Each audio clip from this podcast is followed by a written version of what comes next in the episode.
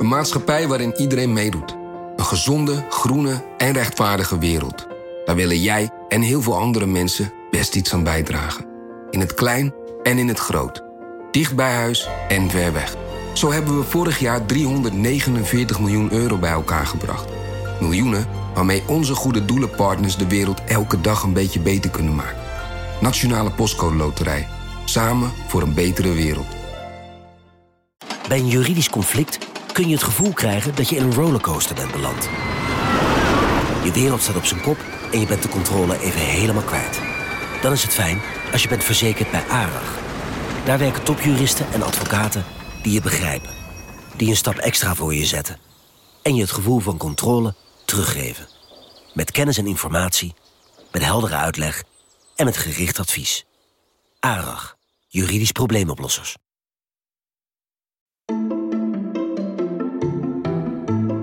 Welkom. Wij zijn Onbehaarde Apen. Dit is een extra podcast van NRC over de Nobelprijs voor de Natuurkunde.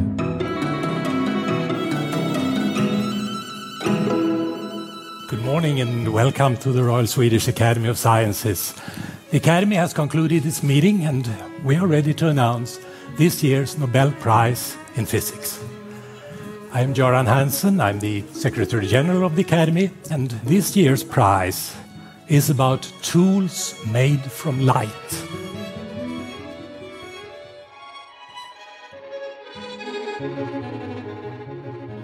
Ja, we hoorden hier Göran Hansson. En uh, ja, dat, is, dat is op de wetenschapsredactie is wel een bekend figuurtje. Want... Onvoorstelbaar. We zitten die man echt de tekst uit zijn ogen te kijken. Gewoon ieder jaar weer. Het is ook elk jaar weer dezelfde. En hij was, uh, uh, nou ja, deze ochtend mocht hij de winnaar van de Nobelprijs voor de natuurkunde bekendmaken. Ja, hij was een kwartier te laat. Ja, dat was opvallend. Dat, dat, maakte, dat zorgde voor extra zenuwen, want we kregen een berichtje voor de middagkrant daardoor niet af.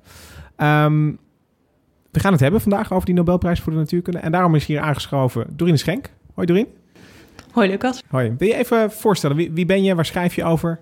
Uh, ik ben medewerker en ik schrijf vooral over natuurkunde. En uh, de, de, de Nobelprijs vandaag ging naar uh, de laserfysica, werd het aangekondigd. Naar optische pincetten en korte, intense laserpulsjes. En gelukkig had jij daar al een keertje over geschreven, denk ik dan. Ja, gelukkig wel. Uh, ja, het ging over uh, eigenlijk een soort van ja, de gereedschapskist van, uh, van licht. De ene was een optische pincet inderdaad. Dus daarmee kun je op superkleine schaal dingen oppakken en uit elkaar trekken. dus dat is echt ja, een knijpertje. En de andere is een ja, superkorte laserpulsen. En die zijn eigenlijk, dat is meer een soort mesje. Daar kun je klein, echt heel gericht mee uh, branden en uh, losmaken en dat soort dingen. Ja, het is dus heel uh, handig instrumentarium, kan ik me zo voorstellen. Maar wat ons natuurlijk ook gelijk opviel, we, we, hadden dit gesprek ochtends al gehad van, ja, er, er, zijn eigenlijk maar twee vrouwen die ooit de Nobelprijs voor de natuurkunde hebben gekregen. Ja, nu niet meer. Nee, nu niet meer, want hoera, dat, dat was eigenlijk een van de eerste dingen die ons opviel. Donna Strickland heeft de prijs gewonnen. Ja, en zij is tot haar eigen verrassing, geloof ik ook, de derde vrouw die de Nobelprijs voor natuurkunde krijgt. Uh, eerder was, nou ja, bij bijna iedereen wel bekend, uh, Marie Curie. Uh, voor onderzoek naar radioactieve straling. En Maria... 1903 of zoiets? Ja, Heel 1903. Geleden, ja. ja. En 60 jaar later ongeveer ging de Nobelprijs naar Maria Guppert-Meyer. en die had, deed onderzoek naar ja, atomen en de schildstructuur en, en nu zijn we 60 jaar, uh, weer 60 jaar later eigenlijk. maar wel een goede geheugen, een ezelsbrugje. Maria, Maria, Donna. Ja, dat kunnen we voortaan wel onthouden. Maar uh, ja, hopelijk worden het natuurlijk zoveel vrouwen op een gegeven moment... Uh, dat je geen ezelsbrugjes meer kan bedenken eigenlijk. Want ik, ik heb ook in, in een stuk van, van Nature gelezen... dat die Keuran Hansson, die we net ook aan het begin van de aflevering hoorden die heeft ook wat wijzigingen aangekondigd in de manier waarop die nominaties voortaan gaan. Uh, dus uh, bij de Nobelprijs voor 2019 uh, eh, gaat bij de, ja, de, bij de, de nominatieaanvraag zeg maar, een briefje mee met... Graag een vrouw. Ja, denk, denk eens aan de vrouwen. Ja, dat, dat is wel... Het, moet, het moet gewoon gebeuren, want er komen, de mensen worden meestal tientallen jaren na hun grote ontdekking beloond. En ja, tientallen jaren geleden waren de vrouwen toch al behoorlijk actief. Ik bedoel, Madame Curie was natuurlijk wel een lichtend voorbeeld, eh, bijna letterlijk, met die radioactiviteit. Maar Uh, het, het, het, heeft natuurlijk heel lang stilgestaan. Het grappige vond ik zelfs dat uh, Donna Strickland zelf niet wist dat, er eigenlijk, dat zij de derde vrouw is. En uh, dat, dat was ja, eigenlijk wel ontzettend ontroerend. In dat telefoongesprek met die uh, uh, Hansson kwam ze daar eigenlijk pas achter. Dr. Strickland, are you there? Yes, I am. Hello. Right now we're having a press conference here at the Royal Academy of Sciences. A large number of journalists, and um, I'm sure they would like to ask you some questions. Are you ready okay. for them? Yeah. I guess so. The lady over there. Thank you. I'm Annelie Megner Arn from Swedish TV4. Congratulations on the prize. Thank you. You are the third woman ever getting the Nobel Prize in Physics. That all? Really? What's your comment on that? Uh, well, uh, okay. I, I, thought there might have been more, but I couldn't think. Um, well, obviously, we need to celebrate all, uh, women physicists because we're out there. Um, and hopefully, uh, in this time, it'll start to move forward at a faster rate, maybe. I don't know what to say.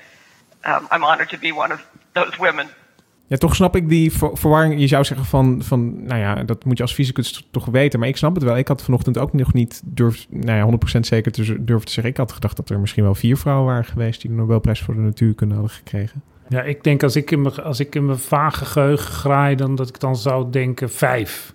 Twee is wel heel weinig, of drie dus nu dan, in, in meer dan 100 jaar Nobelprijzen. Jij zei daar vanochtend wel iets moois over, uh, Doreen. Je, je zei van, het is eigenlijk een afspiegeling van de wetenschap van, uh, van 40 jaar geleden, die no Nobelprijs. Want dit, wanneer is dit, uh, want nu moeten we eigenlijk ook even de andere twee Nobelprijswinnaars noemen, denk ik. Dat zijn... Uh, nou, dat hoeft niet, laten we het alleen over de vrouwen hebben. Och, dat zijn mannen. het zijn, het zijn oude witte mannen. mannen die hem gehad hebben. Het zijn oude witte mannen en dat is dan toch wel weer bijzonder. Eentje is de oudste witte man die ooit een Nobelprijs heeft gekregen, namelijk Arthur Ashkin, die is 96 jaar oud. En de andere is Gérard Mourou, een Fransman. En uh, Ashkin is een, uh, een, Amerikaan en Donna Strickland is een Canadees. Um, maar dit, zij hebben hun werk eigenlijk al, nou ja, wat je zegt, 40 jaar geleden bijna uh, gedaan. Ja, hun werk was in de jaren 80. Beide zijn, geloof ik, de eerste publicaties erover waren in de jaren 80. Ja, dat is 30 dus jaar geleden. Ja, 30 jaar geleden. Ja, en die uitspraak kwam trouwens niet helemaal van mijzelf, maar van de vrouw van het Nobelcomité.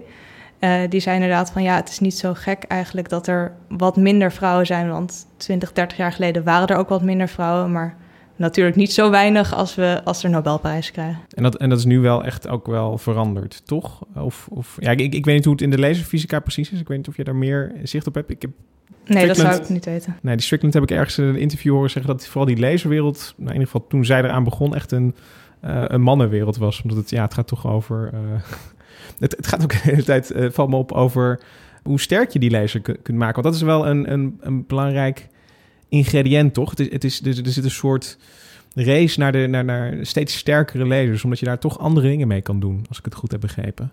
Ja, echt. Vanaf het moment dat de lasers bedacht en ontwikkeld werden, dat was geloof ik in de jaren 60, begin jaren 60, zijn mensen gaan kijken van, nou dit is heel mooi, we kunnen dus een laser maken, dat is één golflengte licht. Uh, die kan heel gericht één kant opgeschoten worden. Die kan vrij intens ook gemaakt worden. Hoe kunnen ze nog intenser krijgen en, en nog gerichter? En uh, ja, ook nog sterker. En het liefst ook heel kort. Want hoe korter Kort. de puls, uh, hoe beter je hem kan richten. Dus hoe, hoe preciezer je kan werken. Daarom is de, dus de helft van de prijs gaat ook naar die hele korte, intensieve pulsen. En dat iemand die ik vanmiddag belde, vertelde mij ook met hele korte pulsen kun je veel gerichter werken omdat je dan de omgeving minder beschadigt. Een korte puls kan heel plaatselijk, heel lokaal iets wegbranden. En de omgeving heeft niet genoeg tijd om ook op te warmen en raakt daardoor niet beschadigd. Dus je kan veel preciezer werken met korte, krachtige pulsen dan met een lange, brandende golf, zeg maar. En hoe kort is zo'n pulsje dan? Want uh, dat gaat niet om halve secondes, neem ik aan. Nee, de, echt de allerkortste pulsen zijn uh, uh, 40 attoseconden, geloof ik. Dat is echt 10 tot de min 18e. Dat is echt, uh, nou ja, onmogelijk klein. of onmogelijk kort. En een atto, dat is, dat is op de schaal van... Uh, je hebt de gewone wereld en dan ga je naar milli, nano... En dan, dan komt er heel veel verderop komt nog ergens een keertje atto. Dan. Ja. Dat is een, uh, een biljardste seconde of zo, of biljoenste, biljardste.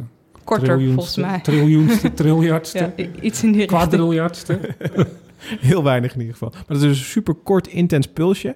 En dat is dat werk van Mourou en Strickland samen. Ja. En hoe doen ze dat dan? Is dat dan dus zeg maar een soort mitraillette van kleine pulsjes? Of is het pulsje? Stilte, pulsje. Dat zou ik niet weten. Oké.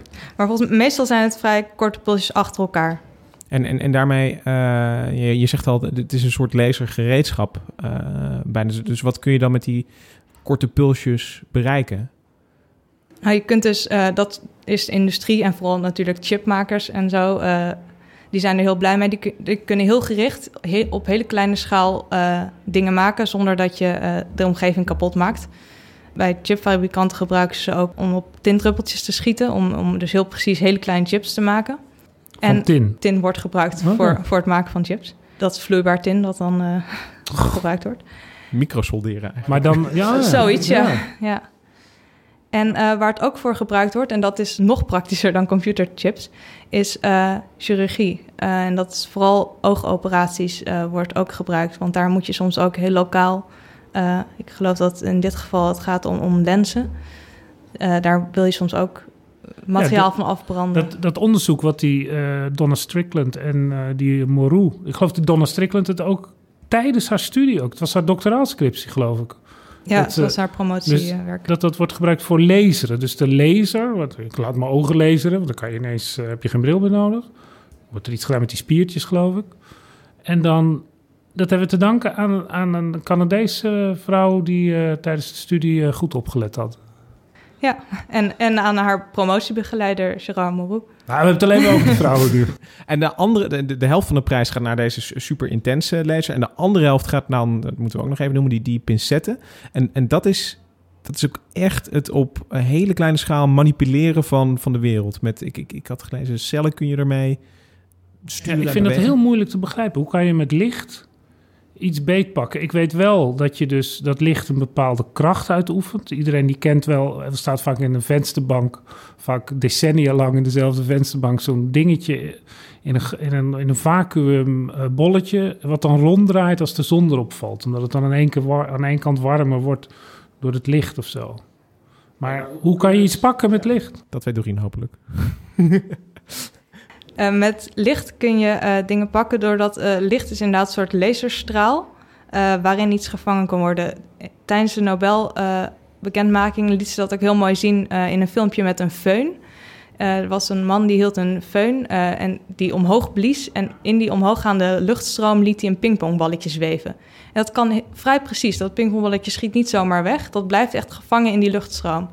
Nou, die luchtstroom kun je vergelijken met een laserstraal. Laserstralen zijn ook een soort van... Ook omdat het dus eh, voornamelijk één golflengte licht is... dat heel eh coherent gezamenlijk eh, omhoog stijgt, één richting op... eh, kan daar dus een heel klein lichtdeeltje in gevangen worden. Dus die, die, die, die, die fotonen uit het licht, en die zijn dan heel geconcentreerd, die tikken iedere keer ergens tegenaan, die, die, die heffen dan de zwaartekracht op of zo. Ja, Maar dus dan, dan, hou je, iets omhoog. hoe Dan licht... kan je ja. niet iets beetpakken. Want je kan met een föhn geen pingpongbal beetpakken. Nee, maar het mooie aan, eh, aan laserlicht is dat, eh, dat zag eh Ashkin ook, dat, ehm, tenminste volgens mij was hij ook degene die dat ontdekte, dat zo'n klein deeltje wat in een laserstraal zweeft, dat wordt naar het midden toegezogen automatisch, omdat door, doordat de kracht van de zijkant van de golf sterker is, waardoor die echt naar binnen geduwd wordt. Dus als je dan, dus hij wordt, een deeltje wordt gezogen naar het meest intensieve, ja, het punt in de laserstraal waar de, meeste, de intensiteit het hoogst is.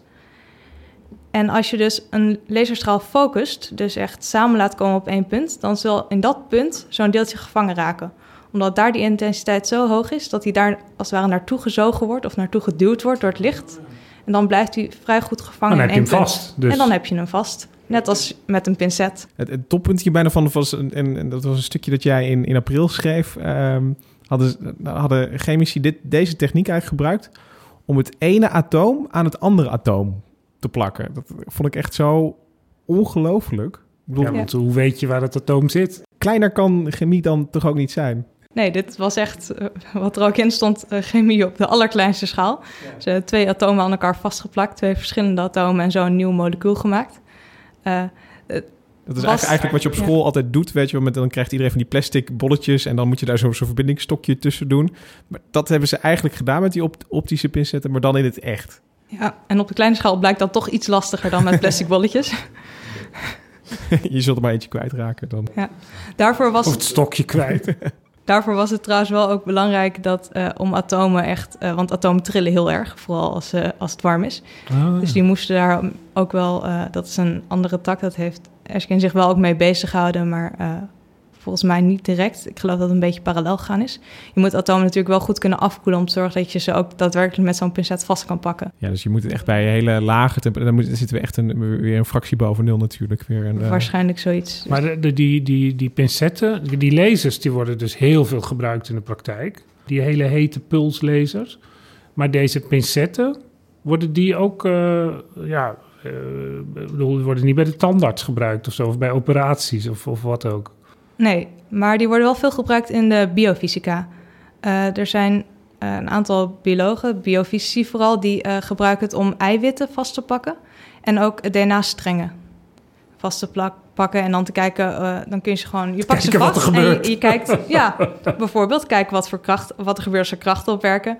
Eh, en ze gewoon eh, eens goed vast te pakken en eh, van alle kanten te bekijken. Dat- Het grappige is dat Arthur Ashkin, die, deze hele techniek ontwikkeld heeft en eh, daar bij de vroegste eh, ontwikkeling betrokken was, dat hij het zelf eigenlijk ook science fiction vindt. En dat heeft hij ook, eh, dat heeft hij ook een keer gezegd. Remarkably, I, I say, this makes it possible to physically trap a small particle at the focal point of a strongly focused laser beam.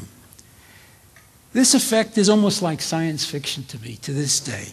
One can just focus a laser beam on a transparent sphere. You can trap it, you can pick it up, you can move it around, you can put it down, and for that obvious reason that you can do all these things, it's just called it's called laser tweezers.